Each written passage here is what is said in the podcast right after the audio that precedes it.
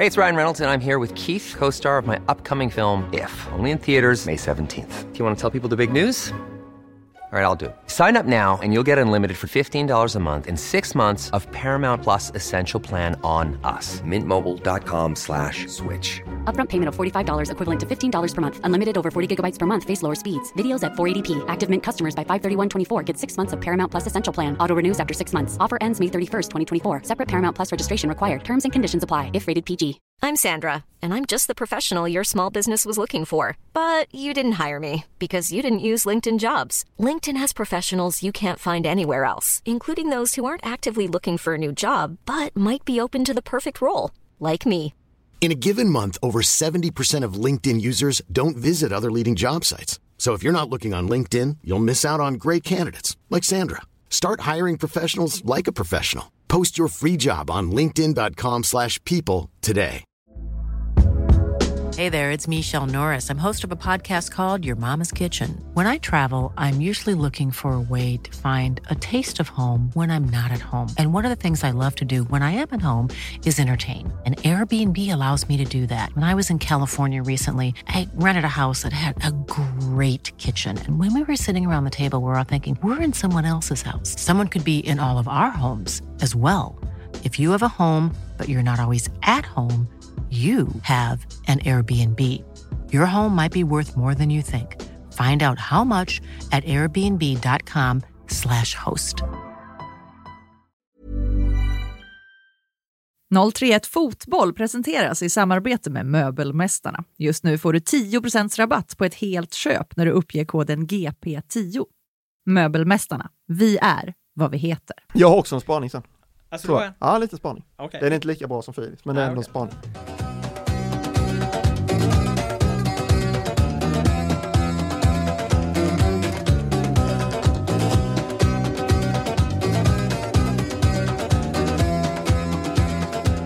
Hej och välkomna till GPs fotbollspodd som fortfarande saknar ett namn men där vi fokuserar på Göteborgsfotbollen i allmänhet och Göteborgsfotbollen i synnerhet.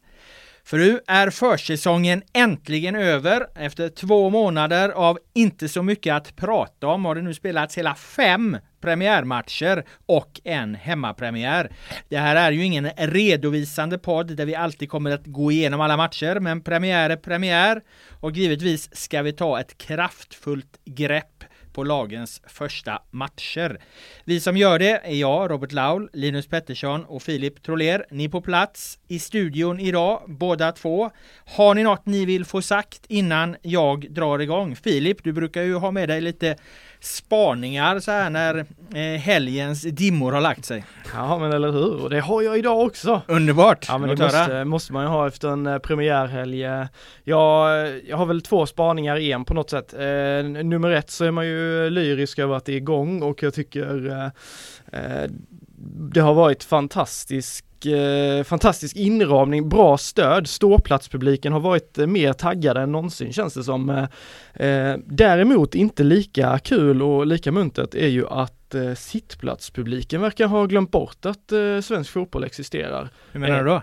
Ja, undantaget storstadslagen ska vi säga. Nej men jag, det är ju bara att titta på publiksiffrorna här från eh, första omgången. IFK Norrköping, vad hade de? 6,5. Elfsborg kravlar sig precis över fyra. Det är liksom två klubbar som har mått väl i många år och eh, nämns som kandidater i toppen.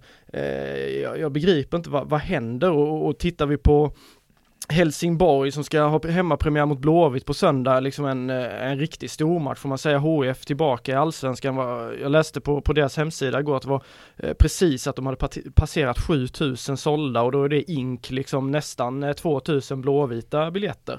Eh, det är ett jäkla underbetyg eh, Eh, tycker jag och det känns som att eh, allsvenskan eh, har blivit lite av en eh, storstadsangelägenhet. För Blåvitt hade ju fullt och Bayern hade ju fullt och Djurgården hade väl ändå en eh, rätt så bra siffra får man säga, även om man kanske hade hoppats på li- lite mer där också. Men eh, ståplats växer, eh, intresset är stort i storstäderna, men sittplatspubliken, vad händer? Men jag tänker spontant att det skulle kunna vara någon form av corona-effekt Jo. eller? Mm. Jo, Det jo. tror jag också, för det var väl lite det man snackade om när man öppnade upp arenan Absolut. efter pandemin att folk kanske hade insett att det är rätt skönt att sitta hemma och skönt och bekvämt att sitta hemma i tv-sofforna och kolla och få liksom allting till sig eh, på något sätt. Det var väl en av slutsatserna som drogs då Mm. och det är väl inte omöjligt att det fortfarande liksom spiller över på sina håll. Nej, det Nej, är ju det- inte saken bättre, det är bara en, en tänkbar förklaring jag A- kastar in där. Absolut, och det är väl sannolikt den rimliga förklaringen och sen eh, lördag söndag var det gött väder på, på många ställen i Sverige även om det var kallt liksom så här på vardagsmatcherna blev det lite sämre. Det förklarar väl också en del och, och det är Champions League och det är det ena och det andra. Jag var besviken på siffran igår också, ÖIS HBK liksom en potentiell toppmatch i Superettan. Det kommer två 2-4 ungefär. Eh, jag hade hoppats på, på mycket mer men, men återigen sen de, de som kommer och de som håller till på ståplats, det får man ju säga om Elfsborg också. Eh, där är det ju rätt så välfyllt. Det känns liksom som att det, den typen av publik växer och det är ju glädjande eftersom de bidrar med otroligt fin stämning och sådär men ja, jag ändå, jag tycker det borde finnas, fan ni, ni går ju miste om det bästa vi har. Jag blir, eh, nej, besviken. Nej men och det du säger om, om, om klackarna där eller ståplats då, det, det ser man ju också på bortaföljerna. Eh, Mjällby hade ju ändå liksom en liten men naggande god eh, klick som åker dit och är ju ändå och, eh, relevanta i sammanhanget. Degerfors Ja. hade väl en, en eh, 500 pers eller vad det var uppe i Stockholm så att precis som du säger den delen av, av supporterrörelsen känns som att den växer men, men, men den minskar då på andra håll. Det, Ja. det är faktiskt en jävligt intressant spaning som jag tycker att vi ska hålla koll på under säsongen här. Det finns säkert, kommer säkert finnas mycket mycket att säga om den under hela året.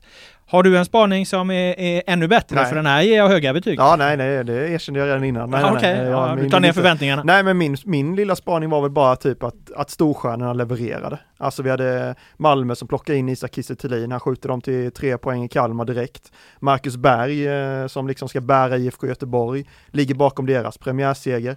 Alexander Jeremejeff som på något sätt ändå får ses som Häckens stora namn, kliver in från ingenstans och, och gör hattrick. Viktor Edvardsen som också tycker jag har sett lite blek ut under försäsongen, smäller in två mål uppe för Djurgården och Haksabanovic också som har klivit in på ett halvårslån Levererar direkt. Så det var väl bara min lilla spaning så här. En, en, en blandning mellan typ att du får vad du betalar för och att Storsjön eh, klev fram direkt. Kan det ha att göra med, tänker jag väldigt spontant nu eftersom jag inte kände till den här spaningen innan, kan det ha att göra med att alla de stora klubbarna som gör de här stora värvningarna, eh, eh, alla utom Häcken då kanske, eh, var ju igång i Svenska Kuppen och att de här liksom, att de är någorlunda liksom i, i matchtempo redan, eh, de här lagen och de här stjärnorna.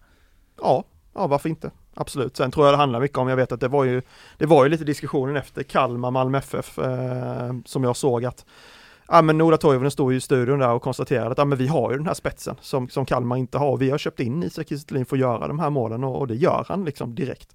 Han klev ju in direkt också i Svenska Cupen och sköt dem vidare så att jag bara noterade det att jag tyckte det var lite intressant att eh, ja, du köper in en spelare för att de ska göra mål och så gör de det faktiskt direkt i, i premiäromgången. Man kan bara flika in där på, på det du säger, storstjärnor levererade. Det var storstjärna i de stora klubbarna. Där kanske vi också har en, en liten delförklaring till, till det här att att det ser lite tunnare ut med publik på, på landsorten, eh, liksom landsbygden och de mindre städerna. Att drömmen om att vara i toppen i allsvenskan, den, den finns kanske inte riktigt längre som den fanns för tio år sedan för alla de här lagen, utan det är, det är de stora klubbarna med de stora stjärnorna som lite mer, eh, vi har varit inne på det tidigare, bör cementera sin plats på ett annat sätt. Mm. Allsvenskan 2010 så var ju liksom eh, eh, Örebro, eh, Mjällby, Trelleborg var i topp 6 liksom. Den som serien Ja. ser vi ju aldrig någonsin igen. Det finns ju liksom ingen väg tillbaka för det liksom att det något enstaka lag kan ju slå sig in där. Kalmar överraskade i fjol till exempel. De var ändå halvstora liksom. Men, men, men en sån allsvenska som 2010 där såg vi, där var det någon form av brytpunkt Mm, för, för, för mm. när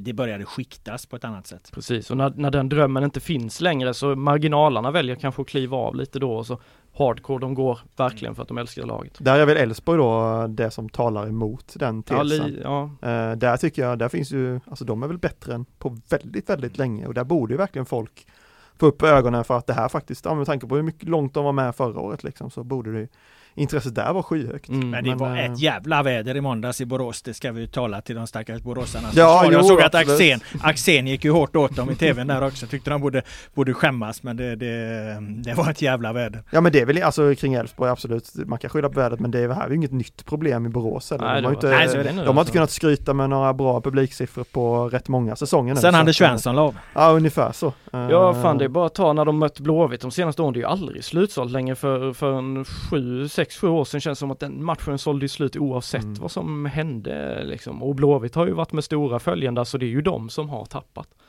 Spelar ganska rolig fotboll Elfsborg också. Även om de fick stryka Ja. den här matchen så, så, så det är ju ett roligt lag med profiler och, och fin fotboll. Ja det finns liksom. ingen Så att, anledning att eh, inte nej. gå dit. Nej, så är det. Så är det.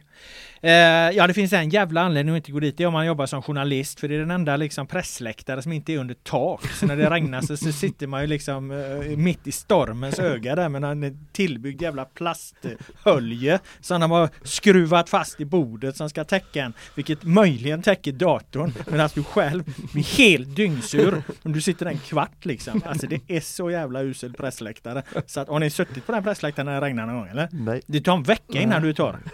Det stora samtalsämnet i svensk fotboll den här veckan har ju annars varit Oskar Linnér som eh, ju får lämna GIF Sundsvall för att, ja för vad då egentligen? Jo, han blev petad inför Giffarnas premiär mot Sirius. Andreas Andersson stod och då sa Linnér så här i media.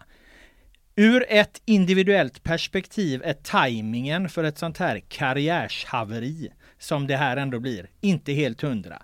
Anledningen till att jag vände hem var för att jag var redan ganska less på situationen jag haft utomlands. Att då hamna i samma situation men i nedre halvan av allsvenskan, det är väl inte helt optimalt. Detta sa då Oskar Linnér i media. Eh, och för det här har han ju blivit då oerhört sågat. Jag menar Tobias Hysén var ute och dundrade. Han ska bara hålla käften och sätta sig. Det tycker jag är otroliga överord i sammanhanget. Hålla käften. Menar du verkligen det Tobbe? Eh, för jag menar Linnér han utvecklade ju sen också det här och då säger han så här. När jag inte fått spela i Bundesliga eh, är det för att jag sitter på bänken bakom en av Europas bästa målvakter. Det har varit lättare att acceptera. Det här har varit väldigt svårt att acceptera om jag ska vara ärlig. Men det handlar inte om att jag tycker att Andreas är en svag målvakt. Han är en riktigt bra målvakt. Det är mer själva situationen att jag vänder hem från Bundesliga till ett lag som GIF Sundsvall med all respekt för klubben och hamnar i en situation som jag verkligen inte behövde. Och det här leder då alltså till att han får lämna GIF Sundsvall som ju bara hade lånat honom från tyska Armina Bielfeld. Och jag tolkar ju lite det som så att det kan ju omöjligen vara de här uttalanden som att gör att han kickas. För jag menar så jävla farligt är det. Det här har man väl hört tusen gånger tidigare. En, en, en, liksom en person som ifrågasätter liksom att han inte får spela. Det, det sker ju liksom stup i kvarten bland de här tävlingsmänniskorna. Men Paka Lagemyrs ord var väl egentligen ännu hårdare liksom när han dömde ut eh, halva Göteborg här för ett tag sedan. Eh, om man ska ta ett närliggande exempel. Så jag menar, vad, vad, vad, säger, vad säger ni? Tycker ni att det han verkligen säger, om vi bortser från reaktionerna, det han verkligen säger Oskar Linnér, är det så farligt? Nej, nej det tycker jag väl inte och det vore ju Det vore ju på något sätt extremt tråkigt om vi ska hamna i en miljö där folk inte får liksom säga sådana här saker. Alltså Ska vi ha en, ett fotbollsklimat i Sverige där spelare inte kan få våga gå ut och säga vad de tycker och tänker, då tror jag den, då kommer liksom Ja, fan vad tråkigt det skulle vara liksom. Man måste ju få lufta sina åsikter utan att riskera att få sparken och jag tycker faktiskt inte, även fast vissa ordval kanske inte var så, så smarta, så det i grunden han säger var väl, var väl inte så allvarligt tycker inte jag. Ja, men äh, för mig grundar väl allt sig någonstans i att vi, att, vad har de kommit överens om när det här lånet gjordes liksom? Det känns ju som där är liksom någon form av extremt stort missförstånd. Eh, Linné verkar ju ha trott att han har kommit, eh, lånats in för att vara given första målvakt och få spela oavsett vad som händer liksom, men Skif Sundsvall då har mer tänkt att ja, men det här får bli någon konkurrenssituation mellan två målvakter. Och eh, det är klart, är man inte överens om liksom förutsättningarna för ett lån då är det ju dömt att misslyckas eh, från början, för jag förstår ska det situation också. Det är klart att han går ju till GIF Sundsvall för att få spela. eh, och är det på de, premisserna han har lånats in då förstår jag hans känslor också liksom. Så ja, det verkar ju vara missförstånd rakt igenom på något Vad sätt. säger du Filip? Nej men jag håller med om det Linus eh, säger i grund och botten. Sen är ju Alltså man har ju ändå ett ansvar. Jag förstår att supportrar och lagkamrater kan ta jävligt illa vid sig när, när han kliver ut och gör detta direkt. Alltså vi snackar första tävlingsmatchen för säsongen. Eh, så, så, så skapar han den här eh, stormen och visar på att han är en jävla egoist liksom. Men jag tycker inte konsekvensen är rimlig eh, bara för det och man ska ha med sig, de har precis förlorat mot Sirius där, han har väl antagligen haft väldigt höga förhoppningar om att han ska förstå den här matchen, det här ska bli hans väg tillbaka till att börja lira liksom och bli, eh, liksom funka i elitfotbollen igen eh, och så blir det ingenting av det. Ehm, så jag håller med, jag tycker också att det är för hårt. Sen tänker man ju då, fan det måste finnas mer bakom liksom. En Urban Hagblom där säger ju, eh, Sundsvalls sportchef har han väl som titel, att eh, Oskar har varit helt professionell i alla diskussioner och sånt där. Så det, man, annars skulle man kunna tro att han liksom har vägrat be om ursäkt eller något sånt där, att det har skurit sig verkligen, men det, det verkar det ju inte heller ha gjort. Så, eh, och som sagt, det är mycket känslor i spelare direkt efter matcher, vare sig du har spelat eller inte, och det måste man ha med i beaktning. Ja, för jag tycker det varit en helt annan sak om han hade sagt liksom att, att jag är så jävla mycket bättre än den här usla eh, andra målvakten i vårt lag. Att han liksom hade visat en respektlöshet mot den andra målvakten. Men det gör han ju faktiskt inte. Han är ju liksom någonstans ganska retoriskt genomtänkt i det här uttalandet. Där han, där han väldigt tydligt lyfter emot att jag har varit där, jag kom hem för jag trodde att det skulle bli så här. Det blev tvärtom. Det är för mig väldigt svårt att, att acceptera. Om man liksom inte låter människor sätta ord på den typen av, av känslor liksom att, att som Hussein då liksom håll käften då. Då, då skapar man någon form av, liksom, av tystnadskultur där människor så blir rädda för att uttrycka sig. Och det, det, jag håller helt med dig Linus där så, så, så tror jag ingen egentligen vill ha det liksom. Nej, sen är det möjligt att man kanske kunde ha löst det internt först. Jag vet inte, man, vi, vet ju ingen aning om liksom, Nej, turen att turerna har gått och vad som hänt. Det är ju det som gör det så himla svårt. Liksom. Jag återkommer till det jag var inne på att vi har ingen aning om vad, vad som har kommit överens om i det här lånet. Mm. Det, ja, för mig grundar sig allting där liksom. Uh, och sen om det inte har fallit ut som någon av parterna har trott eller tänkt eller ja, då kanske man ska ta det internt först men det vet vi inte heller om man har gjort så att ja, det är bara krångligt alltid. Men är, är, du en målvakt, du kommer hem på ett halvårslån. Ja utifrån då, sett då, är det ju givet då, att han ska få spela. Det, ja, det, då är det ju jävligt konstigt för jag menar annars kan du lika gärna sitta kvar på bänken i Tyskland. Ja. Vad ska han sitta uppe på bänken i Sundsvall och frysa för liksom? Nej, men, men, men, samtidigt kan de ju inte spela honom om han inte har levererat och visat att han är bäst. Nej. Även om, sen kan man ju då tycka att men det är ju dåligt scoutat att ni inte har bättre koll på om han är längre fram i formen liksom. Nej. Då ska man inte ta in honom överhuvudtaget. Men man kan ju inte heller, i alla fall om vi tar tränare Henrik Ånstrands eh, situation. Han kan ju inte lira Oskar Linnér för att han är här på ett korttidslån och ska, ska spela egentligen. Nej, Nej och det verkar det... som att han kom in med någon form av skada, eh, ja. förstod jag det som, och han har inte stått så mycket under försäsongen heller. Men då kanske man som klubb borde hantera det innan Oskar Linnér får för sig att gå ut och med de här uttalandena. Ja, men sitt ner tillsammans då, men prata ge mm. det kanske de har gjort, det vet vi inte heller, men, men liksom dämpa eventuella känslor innan de exploderar liksom. Att, mm. ja men Oskar du har kommit hit, du har varit skadad, du har inte spelat så mycket, nu gör vi så här och så här och så kommer du få din chans längre fram. Ja, Sen kan man väl till GIF Sundsvalls försvar då säga, för jag tycker ju att de är den liksom, eh, att de bryter kontraktet någonstans, det, det, faller, det blir deras misslyckande. Men de, eh, som jag har fått det till mig, de betalar ju Linnés mm. lön fram till sommaren här och då, eh, då det visar ju liksom indirekt, indirekt att, att de tar ansvar för att mm. den här situationen har uppstått. Det handlar inte om något kontraktsbrott eller någonting, att de, klubben fortsätter helt enkelt och betalar hans lön trots att de inte tar del av hans tjänster. Ja, och det, det känns väl någonstans fint på, på något sätt får man väl ändå säga i, i den här härvan. Men det känns som att beslutet ändå, utan att veta, men bara spekulationsmässigt, att, att det grundar sig mycket på reaktioner. Alltså som det ofta gör i... Trycket utifrån? Ja men, ja, men det blir så och många av människorna som reagerar tror jag, de tar inte in hela bilden innan man reagerar. Det är ju, alltså det är ju ett sånt, sånt klimat vi har på sociala medier i överlag liksom. Ja men det är därför jag lyfter fram Hussein här, för jag tycker att det är onödigt hårt liksom och, och trycka till här med mm. att han ska hålla käften i det här läget alltså. Det, det, det ja ordvalet där är, är, är, väl sådär. Samtidigt så, ja, han, han, han har ju varit en del av, av väldigt många lag och, och jag förstår att eh, ja, som sagt, Oskar Linnér framstår ju inte som en lagspelare när han gör det här och då kan ju andra spelare naturligtvis också reagera liksom, eller tidigare spelare känna att vad fan är det där för en illojal eh, jävel liksom. Mm. Men nej, eh, det var en sorglig historia får man ändå bara säga. Liksom. Ja, och nu har ju parterna då gått skilda vägar som sagt, så får vi se vad som eh, kommer fram om detta framöver. Vi lämnar det och eh, gör som vi brukar helt enkelt. Vi börjar med det senaste när det kommer till eh, premiäromgången och det senaste det var ju det som hände igår kväll i förhållande till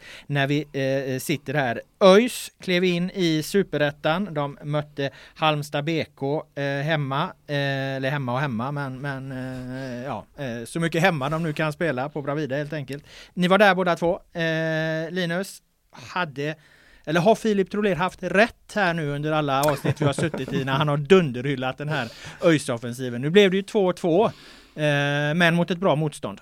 Ja, nej, men jag tycker nog ändå att han har rätt och han har haft rätt i även sitt utpekande av eh, nyckelspelare. Jag tycker Hampus Dahlqvist framförallt var extremt bra igår. Eh, även Niklas Bärkroth som vi alla har suttit och hyllat här. Gjorde också en väldigt bra match och så fick ju Sargon, som vi inte har pratat så mycket om, Sargon mm. Abraham, kliva dit och göra två mål. Så att jag, jag tycker nog inte vi ska hänga Filip för sina starka uttalanden. Det var ju ändå Halmstad, de mötte liksom seriefavoriten, spelade i allsvenskan i fjol. Så um, absolut, uh, offensiven ska vi, inte, ska vi inte såga, däremot finns det en del att prata om defensiven. Vi ska komma till den, jag måste bara fråga Filip där, var du, var du nöjd med monsteroffensiven? ÖIS monsteroffensiv? uh, Ja, jo men det är hyfsat nöjd. Sen tycker jag att det är spelare individuellt och det nämnde vi i de betyg vi formulerade också som, som har mycket, mycket mer att ge. Aydin Selkovic eh, kan eh, ta sig upp flera nivåer känns det som. Daniel Paulsson har inte riktigt hittat rätt som, som central anfallare. Men eh, fan Bärkroth och, och Dahlqvist där på kanterna och Sargon kommer igång och eh, Al Holmström hoppade in. Han gjorde väl inget vidare inhopp så, men han ska vi inte eh, döma ut alls. Eh, han, han kommer säkert bli bra på. Så, så mäktig offensiven lever. Mm. Men eh, svårt att knyta ihop säcken då. Eh, vad, hur oroliga ska ÖISarna vara över att de tappar, tappar en 2-0-ledning? Ja, eh, eftersom det hände rätt så många gånger förra året och att de har pratat väldigt mycket om det och att det skulle liksom vara en klar förbättringspunkt till 2022 så är det ju lite deppigt att det börjar exakt på samma sätt liksom. Eh, att man inte och det Anel Rashkai var lite inne på det när jag pratade med honom efteråt, att fan vi måste vara smartare liksom, vi måste tänka i de här situationerna, vara så jävla, alltså överdrivet noggranna när vi slår den här passningen i de här lägena där, där Halmstad är hungriga och liksom bara får de vittring där, får de det 1-2 målet så blir det ju, då, då kan lika gärna 2-2 komma när de har sådana som Boman som sen gör 2-2 målet. Så, eh, nej, och Dane sa också, vi blir felbalanserade vid 1-2 där och de, de måste ta tag i det där. Det går inte att lira där i slutet. Men kan de spela på något annat sätt?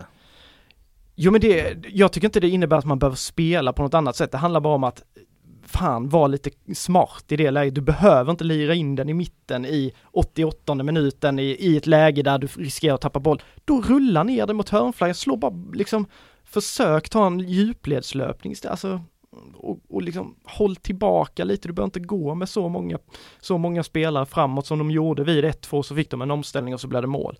Eh, så ah, använd, eh, liksom var lite kyligare, lite smartare, det handlar inte om att ändra något spelsätt för det, det ska de absolut inte göra.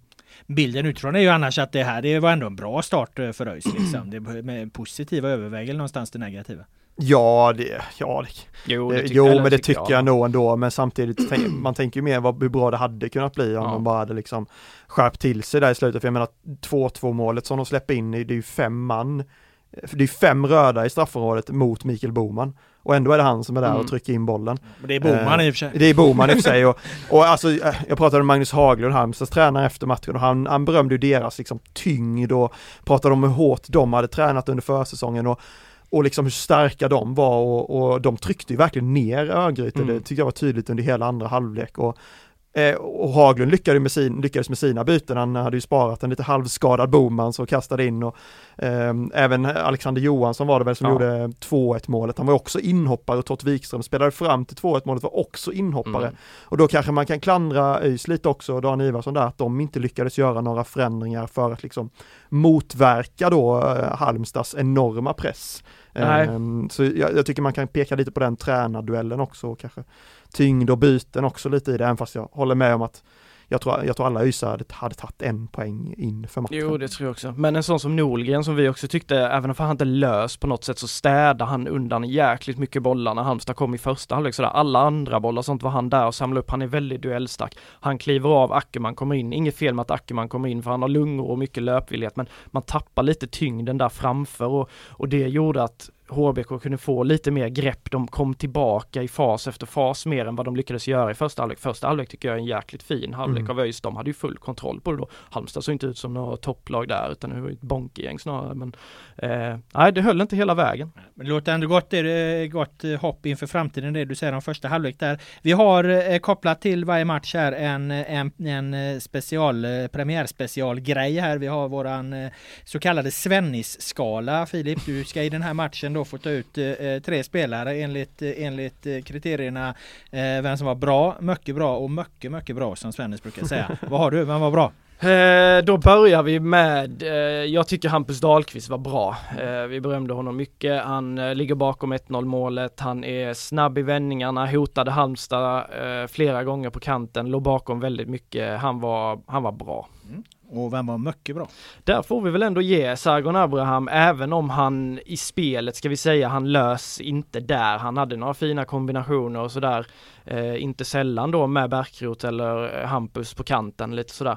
Eh, men han gör två mål, han är där på 2-0 målet, rätt plats, skarvar, perfekt målskyddsmål liksom. Eh, och 1-0 målet är ju, det är ju jävla superklass. Jag tittar på höjdpunkterna när jag kom hem igår efter matchen och han liksom tar Du fick emot. inte nog alltså? Nej, nej, nej, nej, jag fick fan inte nog alltså. Nej men, eh, nej, det var härligt, härligt överlag. Eh, alltså, eh, fan premiär, det var bra stämning. De ska ju spela nästan på, nej det ska jag inte säga att de ska göra men, men både ÖIS och Gais har fått till jävligt bra stämning på Bravida så man har tyckt det varit väldigt kul liksom att vara där. Eh, men eh, tillbaka till Sargon där, klassavslut, han tar emot eh, och sen i samma sekvens egentligen bara avslutar han i bort. Det såg ut som han gjorde när han var som hetast i Degerfors. Så han var mycket bra. Okej, då har vi mycket, mycket bra då. Och där slänger jag in Anel Rashkai. Vi pratade mycket om honom eh, framförallt i första halvlek. Han gör det så Eh, han är så lugn och det ser så jäkla enkelt ut. I, i bollbehandling och passningsspel så är han ju en allsvensk spelare snarare än en superettan-spelare. Eh, små fina yttersidor, han håller i bollen, väntar tills han får en tackling, han är så smart. Han ger ÖIS eh, väldigt mycket eh, med sitt spel för, för att de ska, när de är pressade också, kan andas och sådär. Litet, litet minus att han inte fick ner Sadat Karim där innan 2-2 målet, men eh, överlag en riktigt fin insats av Anel. Han var mycket, mycket bra. Har du några invändningar Linus eller ska vi gå vidare till Nej, Gais? man kan, väl, man kan väl bara nämna Niklas Bärkroth Ja, som vi har gjort innan. ju- Att han, jag tyckte han var en, han, hade, han är där bubblare, en absolut. mycket, mycket bra bubblare kan han få vara tycker jag för hans, hans första eh, insats i liksom superettan-sammanhang med ÖIS. Jag tycker han gjorde en, en bra match faktiskt. Ja. Han hade flera fina aktioner och låg även bakom eh, 2 2-0. 2-0 målet där. Så Fint att, eh, vänsterinlägg han ska ha ett eh, hedersomnämnande. Får ett plus i kanten då. Eh, Gais då som sagt, eh, om vi fortsätter våran odyssé bakåt i tiden här så städar ju de av Oddevold i måndags också på eh, Bravida Arena då. Återtåget har börjat Filip. Återtåget har börjat och det börjar inte med något fiasko eller något skit utan de fick vara Ja, glada. vad fan hände Det- egentligen? Det hade man ändå förväntat sig nästan. Ja men det är väl, eh, ja man har ju tänkt det att det, det ska ju liksom inte få gå på räls här men det, det får vi väl se om det kommer göra. Men eh, en prestation som eh, jag tycker lovar gott. De borde ha vunnit med lite större siffror. Jag tycker de har bra kontroll på hela matchen. Lite segt så här i det uppställda spelet, hade lite svårt att komma, komma till där men efter att de har gjort 1-0 och, eh, och de får ställa om mer och, och Oddevold tvingades gå fram så kändes guys jävligt vassa faktiskt. Eh, lite onödigt att de släpper in en reducering där som gör att det blir lite nerv ändå men eh, på det stora hela en, eh, en fin prestation. Vad tänker du om motståndet då? Eh, Alltså vad, vad kan man dra för växlar av att Gais vinner mot eh, Oddevold? Det känns som att Oddevold var, var liksom ett, eh, ett tag sedan de rosade marknaden om man ska vara ärlig. Ja men så är de är ju nykomlingar i ettan också, kommer från tvåan, gjorde dock en fin säsong i tvåan. Eh, har väl ändå lovordats lite vad jag har kunnat läsa mig till eh, under försäsongen, vann ju bland annat över Gais i, i den första försäsongsmatchen. Sen ska man inte dra så stora växlar av det. Men det är ett lag som har en del eh, spännande spelare som, som har lite eh, ganska bra med fart och eh, riviga mittfältare som small på så in i bänken i, i början. Framförallt de var på Jonas Lindberg hela tiden, var en riktig duell där. Men det är klart, alltså Hemma mot Oddevold, Gais ska vinna den matchen, Gais vinner den matchen. Gjorde de som sagt ja. Om vi kör samma betygsskala här då, våran så kallade Svennis-skala. Eh, vem var bra Gais? Ja, här är lite, ja men jag landar ändå i att Jonas Lindberg hamnar på, på bra platsen. Han eh, kliver ut och är överlägset den mest involverade spelaren i, eh, i, eh, i första halvlek. Han, eh, han tar eh, liksom, han, han tar verkligen tag i spelet, får, suger in bollar, fördelar, hittar, hittar sina lagkompisar, lyser liksom inte i avslut eller passningar sådär men han, han driver ändå på det liksom, visar att han är med på den här resan. Han var, han var bra. Mm. Mycket bra. ja, här Gustav Lundgren tycker jag, jag skrev lite i betygen att han är lite så här, lite saktfärdig ibland med bollen men han är eh, Eh, jag ser väldigt få spelare som tänker och är så kreativa i eh, när de får bollen på, på den här nivån. Han, han gör något vettigt av den hela tiden. Det är små fina instick, han väntar in fina vändningar, otrolig balans i kroppen. Eh, jag tror, eh, jag har sett att det har surrats lite på sociala medier sådär om att eh, Gaisarna vill ha in Richard Friday som kan få ett hedersomnämnande då för ett fint inhopp. Han löpte så in i, eh, ja han så snabb alltså men att man flyttar ner Gustav Lundgren i en liten åtta-roll då eh, bredvid Jonas Lindberg, det hade varit väldigt spännande att se. Eh, men Lundgren, han känns smart, han känns eh, påkopplad, kommer bli bra i år, mycket bra. Mm. Och eh, mycket, mycket bra då? Ja det får ju bli eh, Ben Morris, eh, detta Ipswich-lån eh, som eh, i en period där guys eh, var tröga och stilla, det hände inte mycket, så var det han faktiskt som drev på. Han har varit lite upp och ner under försäsongen, visat att han är snabb och har accelerationsstyrka. Eh, men sett ganska torftig ut i slutprodukten. Eh, nu fick han hänga ett mål, eh, efter det bara fortsatte det rulla på, han är involverad i, spelar fram Jonas Lindberg som också fixade straffen ska vi säga om, om myggan där. Han var väldigt involverad, han var mycket, mycket bra och Guys har delikata problem. Jag skrev det i min fem punkter, fan de har ju också en mäktig offensiv nu. Nu jävlar. Ja nu jävlar. Nej men det var, det var, det är många där som, och Friday där, han kändes på gång när han kom in.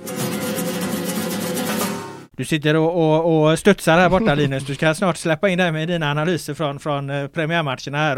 Eller har du något du vill, vill tillföra? Eh, nej, jag, jag, hade tyvärr inte möjlighet att se Gais match, men man kan väl bara så spontant konstatera att det måste vara rätt skönt för alla grönsvarta att få liksom börja säsongen på det här sättet att, att liksom inte börja, börja med ett poängtapp eller en förlust och så ska han liksom ta fart därifrån. Nu fick de en, en ganska hyfsat behaglig seger ändå och liksom pusta nog ut lite mm. bara nu är säsongen igång, okej okay, vi är inne i det. det. Det är ändå stor press på dem liksom. Eh, och till det då att en spelare som Jonas Lindberg liksom bär laget direkt och även att man då, ett offensivt nyförvärv, får också få kliva in direkt. Så att det fanns väl mycket positivt att ta med sig från deras premiär. Ja, verkligen. Och de har varit lite inne på det inför matchen att ah, men det här är ingen, ingen final och det är en av 30 och sådär. Men äh, jag tyckte det märktes tydligt i, i katakomberna där att det var lättat och de pustade ut lite grann. Så äh, perfekt start för guys.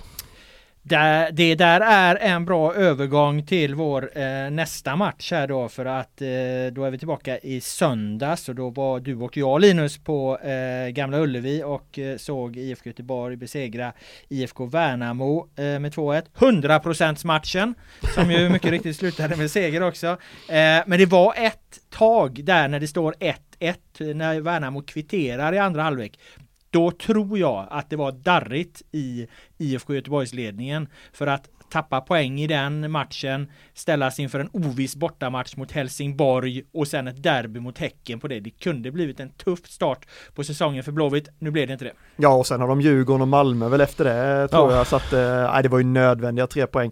Men, och jag håller med om att det var lite darrigt kring målet, men det var nästan som mest darrigt tycker jag, liksom i andra halvan av första halvlek när liksom IFK väldigt märkligt bara gav bort initiativet kändes det som och var försvann helt ur matchen egentligen. Det var slående hur IFK Värnamo tog över. Och det var ju det många spelare pratade om efteråt, att vi kan liksom inte ha så långa dippar. Det är klart att lag kommer alltid ha dippar dippar i matchen, men det här var ju 20 minuter nästan och Blåvitt hittade liksom inte vägen ur.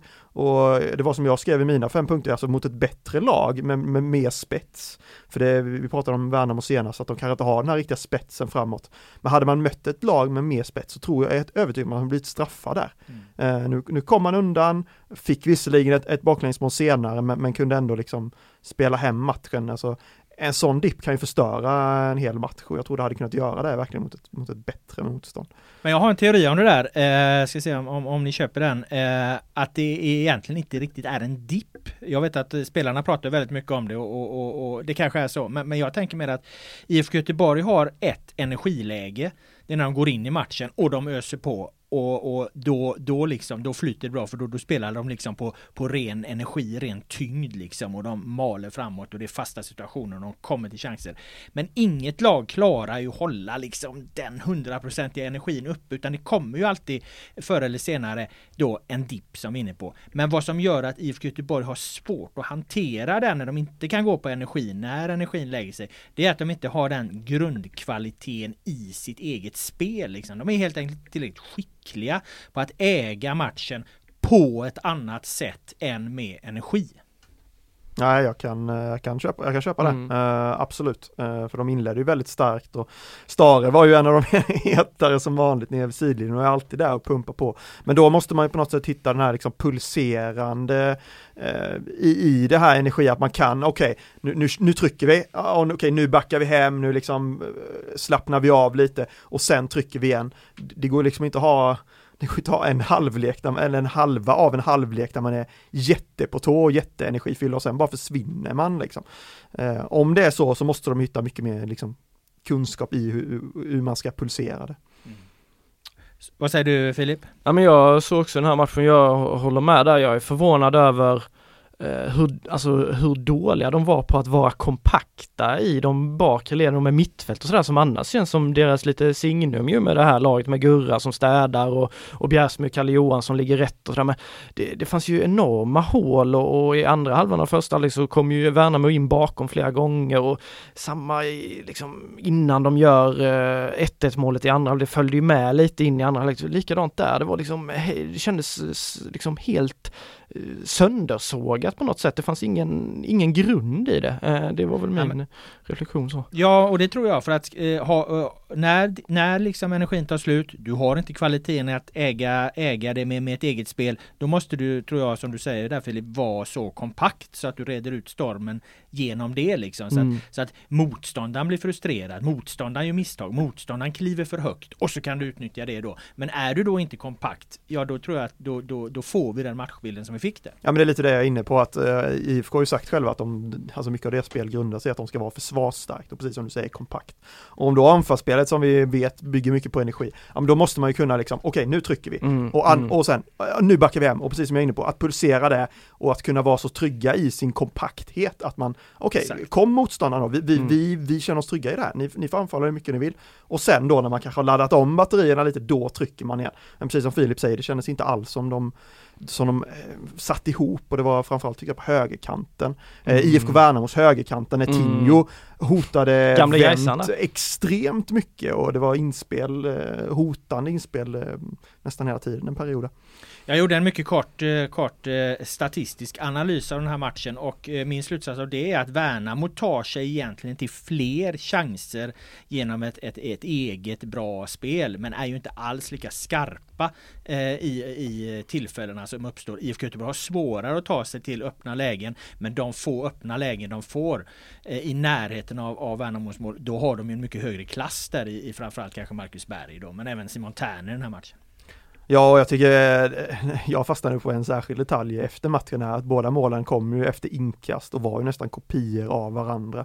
Så jag stannade ju geniet Patrik Persson, IFK Göteborgs fasta situationer specialist efteråt och han sa ju att de hade identifierat just den ytan. Sett att på IFK Värnamos inkast när de ska försvara på inkast så är det väldigt stora ytor mellan ytterback och mittback. Och sagt att ah, okej, vi avvaktar, öppnar ytan och så anfaller vi. Det var exakt så de gjorde målet. Båda målen. Det första målet är ju extremt tydligt, alltså mest tydligt för Berg löper in och sen är ju hans klack genial och liksom avslutar perfekt. Men, men att de sen gör det igen, då är det Jallow Mm, som löper in mm. mellan mittback, ytterback och inspel och mål. Ja, Jag tycker det är alltså hedersomnämnande om vi har varit inne på det många gånger nu. Det är ju, det är ju genidrag och sen då att spelarna kan liksom utföra det och, Ja. Och fasta, situation, fasta situationer är ju ett av IFK Göteborgs absolut starkaste anfallsvapen. Vi Så såg måste det ju fungera. Vi såg det i höstas och vi ser det nu. Eh, ja, jag tyckte det var, det var en häftig detalj att notera och Ja. att de även berättade om det sen tyckte jag det gjorde, man får en annan förståelse för det. Ja, så häftigt jäkla faktiskt. härligt. Alltså det är så nördigt och det, Ja, det, det, ska det ju såklart vara i en elitfotbollsklubb men det är ändå så jävla härligt med en sån, sån liten detalj som kan, att det är ett visst avstånd mellan en mittback och en ytterback i en, en särskild eh, situation på planen som liksom, och så identifierar man det och lyckas ut. Då förstår man ändå hur noga Ja, man det scoutar det- det- motståndarna liksom, att man häftigt på ett inkast ser, ja men det är Ja. ytan däremellan vi ska anfalla och så gör man, ja, jag tyckte det var, ja, häftigt. Damlandslaget, eh, jag var på Ullevi i, eh, i veckan här också och kollade på deras träning. De övade på exakt den typen av inkast så att eh, Gerhardsson, förbundskapten där kanske har noterat en svaghet i Georgien där att, att jag ska utnyttja det på ett liknande sätt. Det var ett sidospår. Eh, Svennisskalan är, är Patrik Perssons betydelse för den här segern så bra att han kommer med på bra, mycket bra eller mycket, mycket bra till och med. Alltså jag hade velat sätta honom på alla tre positioner egentligen. Jag tycker inte man ska underskatta hans betydelse för IFK Göteborg faktiskt, så jag tycker han är värd att lyfta fram i alla möjliga sammanhang. Men nu för tiden. vem blir Men bra? vi får väl hålla oss till spelare då. Um, nej men Gustav Svensson eh, får bli bra tycker jag. Eh, sparkades ju blodig först och vi var lite så här oroliga om han skulle spela vidare så kom han in som någon Terry Butcher där med bandage över hela huvudet. Jag såg att Djurgården sen använde någon form av mössa på, såg ni den? Eh, Rasmus Schüller blev ju också Jo, fan blodig. det såg jag. Det De såg hade någon sån här plastmössa. Alltså, inte kommer till. Göteborg om ett år då, Ja, det brukar är man säga typ så. så. Eh, Hjälmar och mössor och Ja. skit, vad är det? Nej men Gustav kom in och jag tyckte han var, han blev nästan argare av det där och började jaga Värnamo-spelare både åt höger och vänster och Han ska alltid spela med ett jack i Ja, skallen. men typ så, det örat eller vad det var, ja skitsamma. Men, eh, nej, men jag tyckte han var bra och jag tyckte Stare hyllade honom efteråt och pratade om landslagsklass och sådär och att Janne skulle ringa, det var ju lite åt det hållet. Det kanske var lite överdrivet men, men jag gillade jämförelsen med en bäver. Ehm, eh, så- så att den, jag- ja, att han gräver fram saker och det är väl lite det Gustav gör där på mitten ändå. Eh, gräver, gräver efter bollar och närkamper och, och allt möjligt. Så. Nej men eh, Gustav var bra tyckte jag. En lagom lerig plan för honom också. Han släppte älskar lite det där så det, det, där trivs han som, som uh, bävern i dammen som det heter. Uh, mycket bra då. Eh, nej men Simon Tern. Ehm, det var ju på något sätt eh, givet att det här skulle bli hans match liksom. Eh, moderklubben Värnamo på andra sidan. Pappa Jonas på bänken och, och det hade väl rest dit tror jag två, minst en busslast från hans paddelcenter där hemma där alla utom en höll på, på Blåvitt. Eh, eller alla utom en höll på Värnamo ska jag säga. Det var en, någon stackare där som höll på Blåvitt i den bussen och han hade, sa Jonas, fått betala för resan själv. Det var han mycket noga med. Nej men att han får ehm, kliva fram efter att ha haft en, en bra försäsong, en skadefri försäsong eh, och, och få kliva fram liksom mot sitt gamla gäng och, och få göra det där målet och även ligga bakom det, det andra målet. Så, um, men jag tyckte han var, mm, han stod i centrum, gjorde han. Firar han inte lite mot eh, farsan där på målet? jag tror han eller firade gjorde... mot, eh, mot liksom familj och Ah, vänner okej. som satt Ah, på ja. läktaren, förstod Ja. jag det som, ganska Ja, bredvid jag, jag, oss han gjorde ju en eh, gest med fingrarna. Jag frågade vad det var. Det var ju till döttrarna. Det var första gången hans Ah. döttrar var på, på den. så det var Ah, ja. till döttrarna han gjorde den eh, grejen. Ah, var, ja. jag frågade också det om det var, var, var mot bänken. Nej, nej, nej. Mot gubben menar du? Nej, han var tillräckligt bitter. Så, svarade Ja då zoomade du in honom där precis efter, han så såg ju det- det- ruskigt sur Ja, ut. det ska ha varit mot döttrarna. Alltså en glad gest mot Ja, sina döttrar jag helt enkelt. fattar. Ja. Mycket, mycket bra då. Vem har vi där? Ja men det var många som tyckte Simon Tern var planens bästa spelare och absolut det kanske han var i, i vissa liksom aspekter men alltså jag tycker det är svårt att blunda för Marcus Berg. Alltså hans, hans genialitet på den där klacken, bara den räcker ju till liksom mycket, mycket bra betyget egentligen. Jag tyckte han inledde matchen lite skakigt, det studsade ifrån honom, han, han kom till något skottläge och bollen försvann iväg och det kändes lite så här ringrostigt. Sen gjorde han något snurrfint ute på kanten, sen klackade han till målet och sen vi satt ju nästan och försökte räkna alla hans små geniala eh, aktioner han gör, alltså det ser så enkelt ut, han hittar de här lösningarna, en enkel väggpass, tar ner, spelar vidare.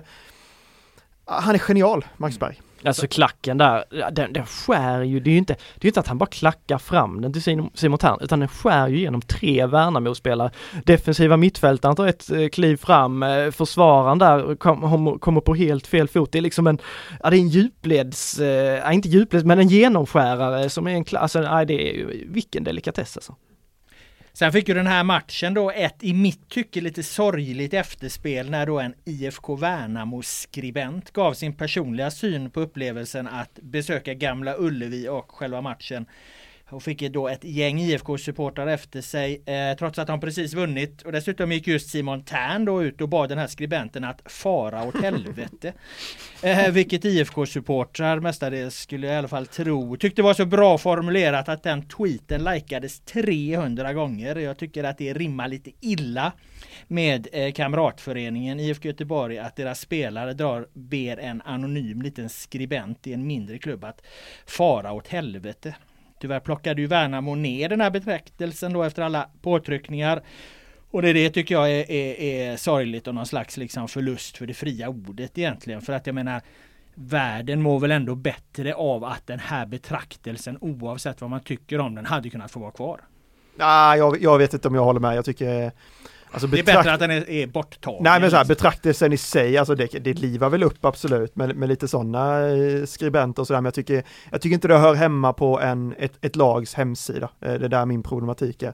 Hade den, pub, den texten publicerats så på någon, liksom svenska fans eller mm. på något, an, något liknande, liknande ställe eh, så hade jag inte haft några problem med den överhuvudtaget.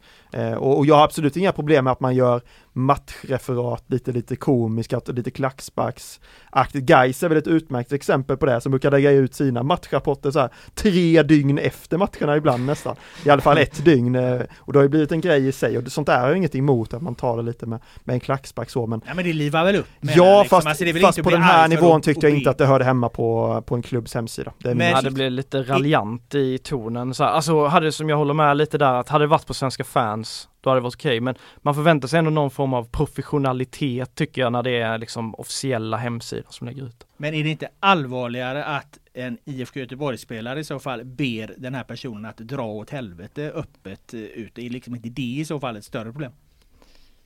Ja alltså ordvalet där, det är lite som du sa, håll käften där med Alltså jag tycker bara att eh, man ska väga sina ord när man eh, väljer dem liksom. Sen vet jag inte när Simon Tern har twittrat detta, om det sker i affekt eh, efter matchen eller sådär. Jag, jag vet inte, det, det är inget bra ordval, så kan man väl säga men... Nej, för de har ju vunnit Blåvitt också, det, det, det, måste man kunna vara lite större. Dessutom är ju IFK Värnamo ju någon form av liten kvartersklubb i jämförelse liksom.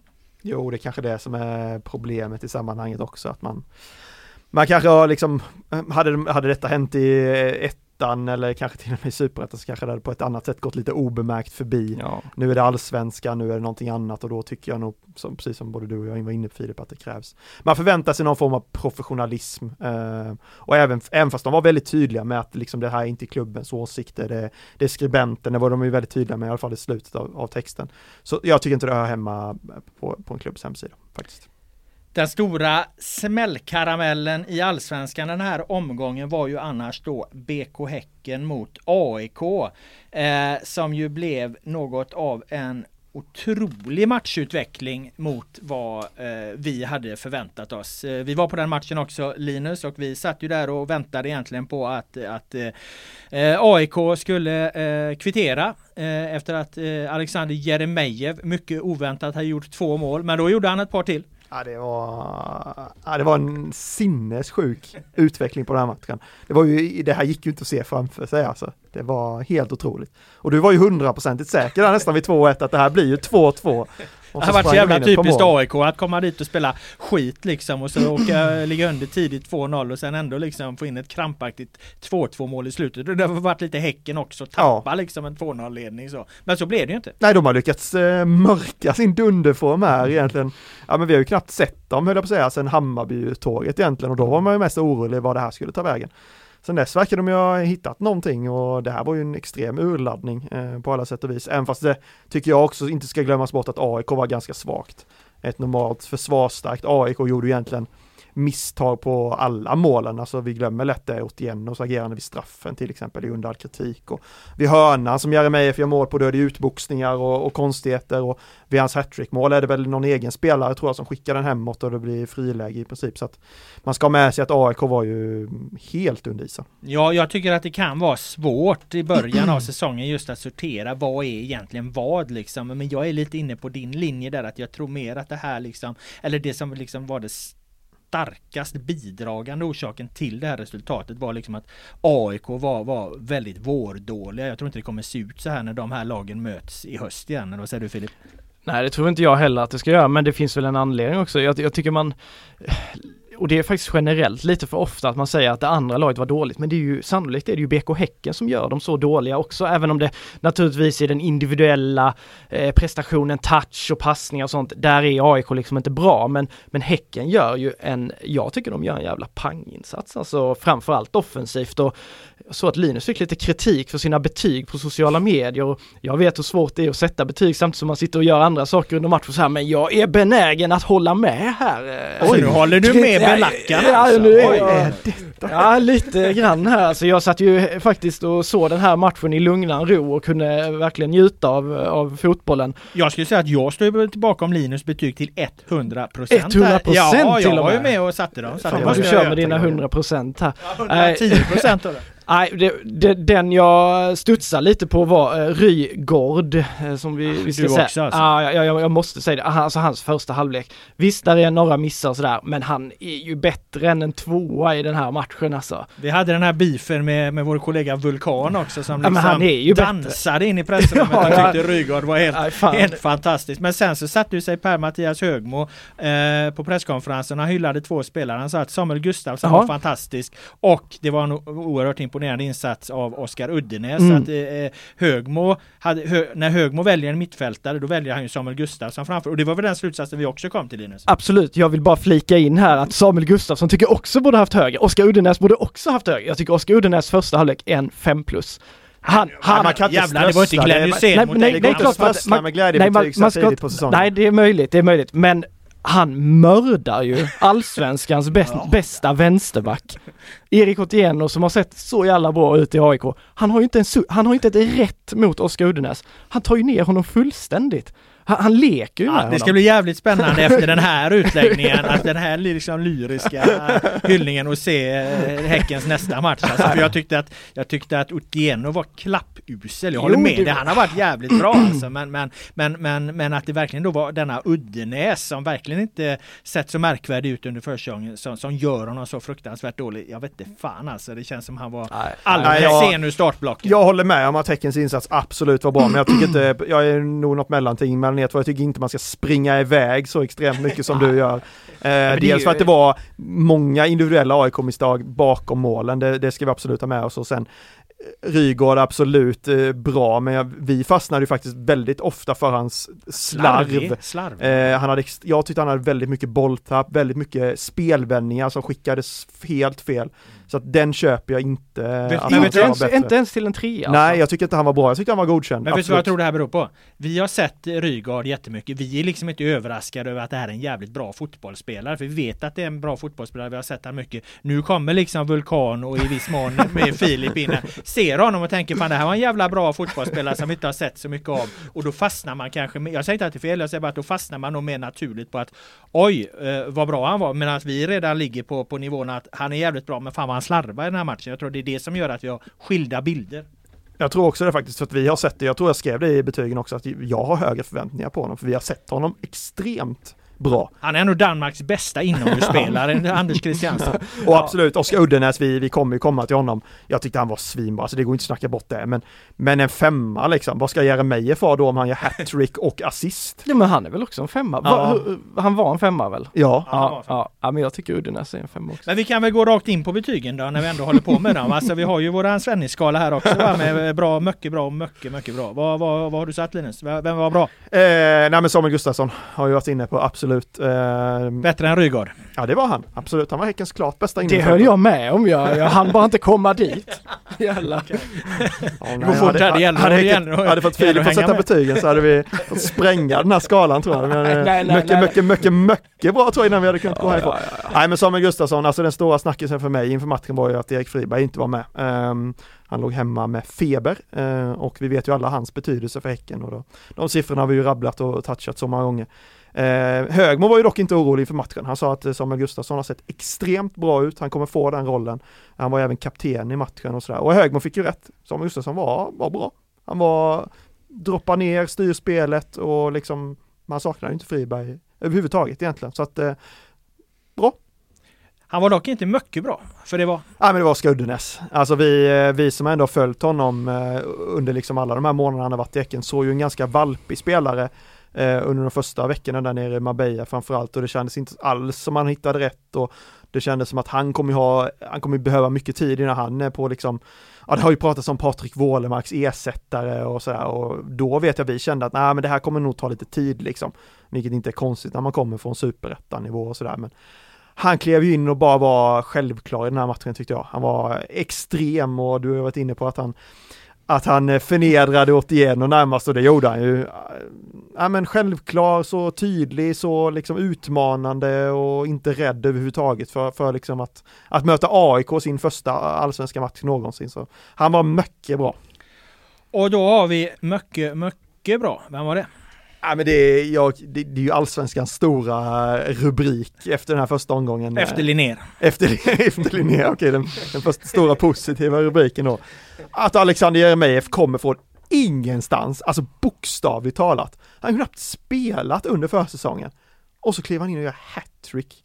Han gör två mål på 13 minuter och så petar in en boll till sen. Helt otroligt alltså. Och även den här klackassisten då till Uddenäs mål. Helt sanslöst alltså. Och med magsjuka kan man ju lägga till. ja, han, han fick ju lämna hela jävla hissingen för att komma undan sen innan eh, vi fick tag på honom. Ja, han, det är ingen som har pratat med honom än va? Nej, han gjorde någon intervju med SVT tror jag precis efter matchen i, i Flashzone där men sen Han var ju inte inne i omklädningsrummet och firade utan han försvann ju direkt hem. Jag fick rapporter senare en kväll att han var på benen i alla fall.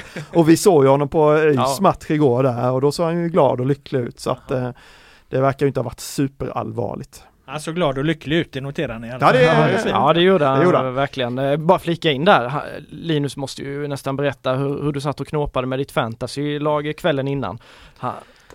Ja, jag skrev ju om det i mina fem punkter. Ibland får man ju såga sig själv också, men eh, ja, allsvenska fantasy, för er som inte har koll, man tar ut eh, ett lag online och så får man poäng ut efter hur spelarna presterar. Och förra året så när jag då återigen får kasta sig själv framför bussen så tippade jag Häcken som etta.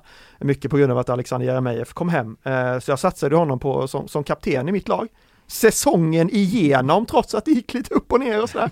Och då när jag skulle sätta ihop mitt lag i år så tänkte jag, vad fasen ska, ska jag göra det igen eller? Så frågade jag Alexander efter träningen då i, i, i fredags var det, vad, vad, tycker du nu? Ge mig liksom ett klokt råd här nu.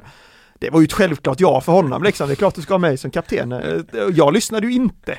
Utan det var ju andra anfallare som gick före där och det fick jag ju bittert ångra direkt. Vi satt ju på lunchen där och snackade mycket och vi var ju ett par kollegor som tog ner det där nej för fan kör inte på honom Linus. Och vi är du idiot Ja, ja, ja, idiot för, ja, jag men, vad, hade man, vad skulle man göra då? Han har ju sett iskall ut. Ja. Så vi får väl eh, såga oss eh, allihopa det är, det är egentligen du Filip. Ja, det är jag som ska ha skiten som eh, fick Linus på, på dåliga ja, tankar. Det, usch, jag har gett upp det där fantasy-laget redan nu.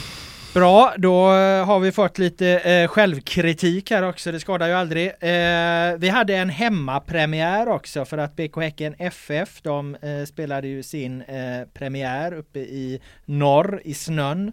Nu var det hemmapremiär på Hissingen, Hammarby var på plats och eh, jag måste säga att Häcken krossade verkligen eh, Bayern. Det var inget snack, det blev eh, 4-1 och då saknades ändå Elin Rubensson fortfarande plus att Filippa Kurmark byttes ut i paus. Hon hade eh, bara en eh, eh, halvlek i sig. Eh, efteråt sa hon att hon hade förväntat sig lite mer av Bayern. Ehm, det var i, eh, det var väl försiktigt skulle jag säga. Frågar ni mig så hade jag förväntat mig mycket mer av, av Hammarby om de nu ska vara med och utmana de här två förmodade eh, eh topplagen då. Eh, betygsskalan på den här matchen skulle jag säga om jag, eftersom det är jag som tar ut de här spelarna, så vill jag säga att Stine Larsen, som ju fick spela eh, nu, eh, var bra för att hon kliver fram och sätter två straffar inom loppet av, eh, ja det var inte så många minuter, men på exakt samma ställe, i exakt samma nätmaska. Såg ni det eller? Hon har, hon, hon, hon har kort ansats och så lägger hon den liksom i sitt vänstra hörn, målvaktens eh, eh högra med sin, med sin högerfot inåtskruvat nära stolpen. Exakt samma maska, båda straffarna. Det var, det, var, det var imponerande måste jag säga. Men en straff ska ju gå i mål så att eh, mer än bra eh, får hon inte. Eh, det är nog tufft. Ja, ja. Eh, mycket bra var däremot den unga Molly Johansson, högerback. De har ju liksom växlat lite där vem som spelar, spelar till höger. De har inget, inget givet val på hö högerbacken. Molly hon är väl någonstans 18-19 år. Eh, ett framtidsnamn då. Eh, klarade sig väldigt bra då mot ett, ett eh, meriterat eh, motstånd och bidrog även en hel del eh, framåt. Och mycket, mycket bra då eh, ger jag min eh, nya personliga favorit i det här Häckenlaget som jag har pratat eh, varmt om många gånger i den här podden. Marika Bergman Lundin som verkligen Eh, gå från klarhet till klarhet för att använda en eh, klyscha. Hon spelar 90 minuter på innermittfältet. Först ihop då med Kurmark, sedan utan. Men oavsett så håller hon ihop det här mittfältet och då får man ju tänka på att nu spelar Häcken alltså, va, va, de har ju varken Rubensson eller Kurmark hela tiden där nu utan, utan den som är liksom är är, är, och har varit här nu inledningsvis ankaret, det är ju Marika Bergman Lundin, eh, ett nyförvärv. Eh, och jag måste säga att det är eh, väldigt, väldigt imponerande. Ni visste knappt vem hon var när jag pratade med henne här för några, några veckor sedan. Ja, lite åt det hållet. Man har inte järnkoll på henne men hon verkar ha gjort en fantastisk resa. Jag såg inte, det, såg inte den här matchen. Man kan också konstatera, tycker jag bara att Stine Larsen nu när hon får chansen så gör hon mål direkt där. Och det... Hon gör alltid mål när hon spelar. lite så. Fan, hon får ju cementera sin plats här nu lite ju. Eh, nej men det är väl en eh, eh väldigt positivt för Häcken liksom att de får igång, får igång henne när hon då ges chansen och sen håller jag väl med dig om Hammarby att man hade väl ändå förhoppningar på att de skulle kunna utmana på ett bättre sätt. Kanske blir bättre nu när hon, när John Andersson kommer hem, och, eh, eller kommer hem, men kommer till Hammarby. Ja, hon kommer ju i sommar där ja. då, eh, landslagsspelaren från, lämnar Precis. Chelsea. Det finns ju en bra rubrik här Linus, eh, på, det, på allt det här, Häcken här. Man kan ju säga att, att Hisingen Stockholm slutade 8-3. Ja, varför satte vi inte den i helgen? Den, den, den körde ni, fan den körde ni i höstas vid något tillfälle. Nej, men det var ju Göteborg Det var Göteborg, det var, Göteborg. Ja, nu, är det Hisingen Stockholm 8-3. Det... Ja, men det var en bra, bra, det var en bra, eller det var ju egentligen en ruggigt bra eh, start för alla Göteborgslag här. Vi har ju i princip, vi har ju alltså, vad fan har vi? Vi har tre tre klara, fyra klara segrar. Vi har ett kryss då. Och sen har vi ju förlusten då som vi ska komma in på eh, Filip. Mm. Men det, jag vet inte, utsikten förlora borta mot Trelleborg då. Det är väl inte så mycket att skämmas för. Kanske en nykoppling i, i det blåshålet om det nu fortfarande är det där nere i Trelleborg. Ja det var eh, ett blåshål och, och planen såg för taskig ut alltså. Så, ja, så där nere brukar ju planen ändå vara hygglig. Ja, Vångavallen brukar väl vara rätt risig. Ja, Helsingborg och Malmö brukar ju få till fina, riktigt fina mattor men eh, Vångavallen tenderar att vara lite raskig. Eh, Utsikten gjorde ändå, om vi bara kan dra en snabb sammanfattning, gjorde ändå en eh, ganska spelmässigt bra prestation. Står upp bra mot Trelleborg som är tippat som ett av topplagen. Eh, gör inte bort sig alls. Har chanser till att kvittera. Hade med lite flyt kunnat få med sig en poäng därifrån. Eh, grov tavla från Johan Brattberg gör ju att Trelleborg tar ledningen och sen kan de liksom spela lite utifrån det. Har du bra, mycket bra, mycket, mycket bra här också? Ja, jag ska är... inte avkräva det, men har du det ska ja, du leverera fan, det. Det får vi ju ta här nu när... Vi har några stackars Utsikten-lyssnare här. Det, har vi kanske. Det hoppas vi väl att vi har va? Ja, ja. Uh, ja men uh, jag tycker att Allan eh, Mohiden eller Mohidén kan få vara bra. Eh, Boskorovic öste beröm över honom för hans försäsong inför den här matchen och sa att han har, han har verkligen eh, lyft sig. Alltså han var, han var inte given i deras lag i, i ettan i fjol men eh, nu med lite skador och sådär så har han fått, fått chansen som en av wingbackarna och han har tagit för sig, fyllde på bra, eh, följsam defensivt. Ja, jag tycker, alltså han utmärkte sig inte så men han, han gjorde ett habilt jobb och, och känns som att han har fått riktigt, alltså lite fart på karriären här på, på senare dag. Mycket bra. Det tycker jag att Enzima Peter var. Han... Oh, glädjande. Ja, det, ja, men han, det som saknades var egentligen bara målet. Han var jobbig som fan och slet och stångades och tog sig till ett par farliga chanser och var jobbig som tusan i boxen för Trelleborgsspelarna. Eh, saknades lite, lite grann. Det känns, han sa själv inför matchen att hans form är ungefär 70% så kan han ta sig upp några procent till så, så kommer väl målen där. Han har ändå 30 90 procent kvar att ge. Det är ju ganska mycket. Det, det är ju ungefär det. som en annan i den här podden. det finns en del att ta av. ja, nej men han är fan, han är 33. Han sa det tar liksom lite tid att varva igång maskineriet här så han, han kommer bara bli bättre, det är jag ganska säker på. Han hör inte till dina stjärnor som liksom har raketstartat eh, säsongen här och levererar direkt. Den Simon Peter, han börjar på 70 och, och så ökar Ja men ändå har han ju levererat. Det får man ändå ge honom. Är man ja. mycket mycket bra så har man väl ändå ja, gjort en, ja, men då har man kan man vara mycket bra på 70% då har man ju levererat ändå. Ja men i målprotokollet så har vi inte sett han lika mycket som i, i, den här betygsskalan. Ja, det är väl det som ligger i de där 30% ja. då kanske. Så Vem var mycket, mycket bra då? Det var den gamle Gaisan, uh, numera lagkapten i Utsikten och hårdför mittback Jesper Brandt. Ja mm. oh, han eh, det här råskinnet alltså. Råskinnet ja. ja. Fast det där är ju... Det ja, jag vet ju, att du... Ja, vi, när vi skrev om det där i våra punkter inför säsongen så kollade jag ju upp honom. Det där är ju ett felaktigt rykte. Han har ju inte alls så mycket kort. Vadå, han har hur många kort som helst? Nej, inte ja, enligt min research.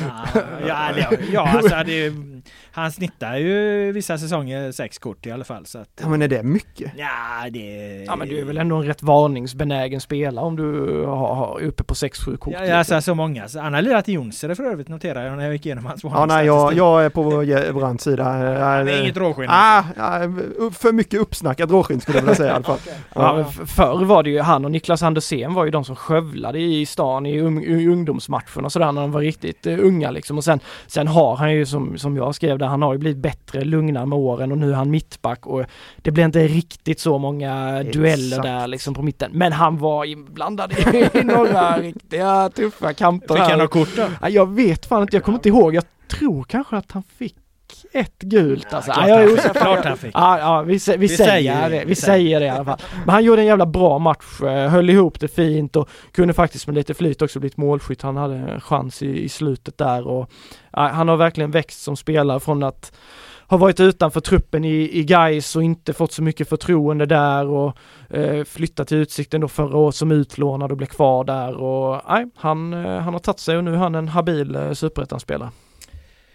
Bra, då har vi tagit, igenom, och tagit oss igenom alla våra eh, premiärmatcher här eh, och det har tagit en, en god timme. Vi ska stänga igen den här eh, butiken men vi ska bara blicka lite mot eh, kommande omgång också. Det får vi väl göra. Vad har ni på gång? Vad ser ni fram emot mest av det som väntar här nu? Nej men jag, jag väljer nog faktiskt eh, att blicka eh, ytterligare en omgång framåt. Oj då, du skippar eh, helgen. Ja, jag, jag tänker att vi... vi Är du ledigt vi, igen eller? Nej, nej, nej, nej jag ska nog antagligen jobba. Men jag tänker så här att eh, både Häcken och Blåvitt vann sina premiärer. Eh, nu möter Häcken Degerfors, eh, IFK Göteborg möter Helsingborg. Inga jättesvåra matcher på pappret. Och sen väntar ett derby. Du tänker att de kommer med Jag två raka tänker båda att två där och, Häcken och drabbar Blåvitt samman. ligger ett av två i Allsvenskan inför derbyt näst, nästa omgång. Hade inte det varit rätt häftigt för en Göteborgsfotboll som har liksom haft lite problem och varit ganska iskall ganska länge nu. Eh, det hade varit riktigt häftigt, så jag väljer att blicka dit. Jag väljer att liksom räkna in den här helgen på något sätt och blicka däråt istället. Du räknar in eh, eh, tre poäng gånger två helt Japp, enkelt. Känns och- modigt. Ja, det, det, det, det är Mr 100 procent. Nej, 100% har jag inte sagt, jag väljer bara att jag... Ja, du räknar in dem. Så. Ja, jo det gör jag ju. Eh, Filip då? Eh, Men klart jag kommer eh, hålla koll på, på de lagen jag i huvudsak bevakar men det är ju inga, alltså Utsikten har hemmapremiär mot BP, mm, kittlar inte jättemycket. Eh, AFC, ÖIS motståndare borta, Eskilstuna. Mm, det ska bli spännande att se ÖIS hur de fortsätter sin resa men det är väl inte jätte... Det är nästan guys där liksom som känns heta som ska upp till Trollhättan, litet mini, mini-derby. Det är ju mycket sådana här matcher i närområdet. Det ska bli ball att se dem liksom ta följet upp dit och, och se vad Fidde Holmbergs gäng kan fortsätta göra men ja, tittar man bara på matcherna som sådant så är det klart att HIF Blåvitt är ju ändå jävla klassikermöte och Blåvitt kommer ju eh, troligtvis komma med mäktigt följe ner dit så en extra blick ditåt blir det ju också. Ja, den, den är ju såklart intressant den matchen. Eh, jag var ju säker på att Blåvitt skulle slå Värnamo där. Jag är inte alls lika övertygad om att de vinner mot eh, Helsingborg. Jag tyckte Helsingborg, för jag såg dem mot Hammarby där, jag tyckte Mm. faktiskt att de såg ganska bra ut där måste jag säga. Att, att komma undan ändå med liksom eh, 2-1 och ändå stå emot så hyfsat som de gjorde med, med det var 30 000 där och det var konstgräs och nu ska de ha sin hemmapremiär. Jag tyckte, kände, tyckte ändå att Helsingborg har fått ihop det ganska bra alltså. Ja det tycker jag också, jag håller med. Jag såg också den matchen, jag tycker de gör, eh, alltså klart att Hammarby dominerar och dikterar men HF står upp bra där. Spelar Ali Suljic som är Göteborgskoppling tycker jag har varit en jävla bra värvning i, i backlinjen där. Vanden Hurk är ju smart, smart spelare och de här unga killarna med Adam Kaed och Armin Gigovic som har fått tillbaka där, Gigovic då också. Det, ja, där är fan mer kvalitet. Linus har ju sagt att de ska åka ur men det, nej, det tror jag inte mycket på. Nej men sen att, eh, så där är jag inte lika säker som dig Linus på att de hämtar tre Blåvitt. Och däremot eh, Häcken då åker ju inte till Degerfors. Utan de åker ju till Örebro. Just det. Eftersom det går inte att spela på, på Stora Valla vad, jag förstått fortfarande. Utan den matchen spelas ju då på Bern Arena på plasten där och eh, det är väl inte helt negativt för, för eh, Häcken att slippa liksom en, en tungsprungen eh, eh, gräsplan plus att då, eh, ja Degerfors förlorar lite av sin hemmafördel liksom. De har ju inte den relationen till, till, liksom, till Bern Arena. Det är ju deras liksom fiendestad liksom Örebro. Så att eh, eh, där, där har ju Häcken såklart en fördel. Däremot måste jag säga att jag kollade en del på eh, Djurgården Degerfors också och visst nu vann ju Djurgården den matchen med 3 men de hade ju fyra bollar, så, så, så Ja, fyra så, bollar så. i virket alltså. Var hur mycket chanser som helst. Ja men de har ett bra lag och framförallt Ja, en bra ja, absolut. offensiv. Och, och eh, inte ens Djur, hotande, Nikola alltså. Djurdjic eh, platsar, han sitter på bänken för fan liksom. Ändå har de då fyra bollar i virket och, och gör ett mål mot erkänt starkt Djurgården liksom. Så att eh, eh, ur det perspektivet så blir det fan ingen lätt match för, för Häcken heller och hämta de tre poäng. Nej jag, jag kanske ska, jag kanske eh, ska skydda mig lite själv. Nej men Ah, jag, jag menade bara det jag, det jag försökte förklara var den, liksom, den hypotetiska tanken att vi, att vi liksom om, om liksom näst, nästa omgång kan vi kliva in i ett derby med två Göteborgslag som liksom ingen har egentligen trott ska vara med uppe i toppen kan stå på sex poäng och liksom braka ihop mot varandra.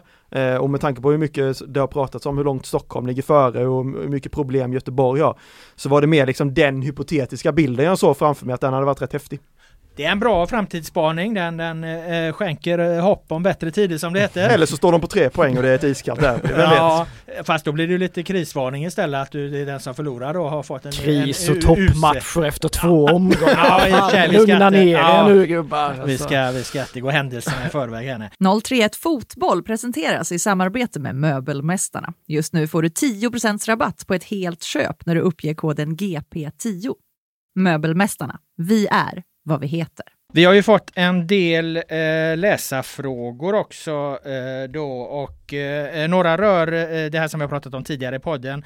IFK Göteborgs och Atlantens eh, satsning på NFT som det heter, alltså digitala, unika digitala samlarbilder som ses som en eh, framtids bransch. Eh, Linus, du har gräver lite i det här och du hade en artikel här i, i veckan. Vad står den här frågan egentligen? För den skulle lanserats i helgen, men ja, hur gick det? Ja, nu är det ju kaos, för att sammanfatta det enkelt. Oj. Eh, men det skulle ju lanseras klockan 12 i lördags. Eh, kort innan dess, innan det så meddelade de att de skulle flytta fram släppet sex timmar. För att det då krockades, krockade med IFK Göteborgs herrträning som hade också hade flyttats fram. Eh, och att många supportrar väntades upp till Kamratgården och det är ju någonstans supportrarna som ska köpa de här samlarbilderna. Så att då flyttade man fram släppet till klockan sex på kvällen och det blev problematiskt för Atlanten. Eh, de, deras system klarade inte av detta enligt dem själva då. Eh, och det, för att citera dem så sa, sa de att några kanske tror att det bara är att flytta fram klockan men så funkar inte teknik. Och då helt enkelt kraschade systemet när folk skulle in och det inte gick att betala. Ehm, så att det var, vissa köp gick igenom men, men på andra ställen har folk betalat men inte fått sina, sina samlarkort helt enkelt. Så det har varit lite eh, småstruligt. Eh, sen skulle man köra en relaunch så att säga då, att man skulle släppa liksom upp det igen när allt hade lösts. Men, men det är onsdag nu när vi spelar in detta. Eh, titta, jag har koll på dagarna till och med den här. Otroligt. Onsdag strax efter lunch och eh, än så länge har vi inte sett någonting av det. Eh, och då är det ändå i lördags som det liksom första släppet skulle varit. Så att det är ju lite, lite, eller väldigt mycket kaos nu skulle jag vilja säga. Och det är väldigt, framförallt är det väldigt tyst från IFK Göteborg. Eh, och från även Atlanten själva, liksom utåt.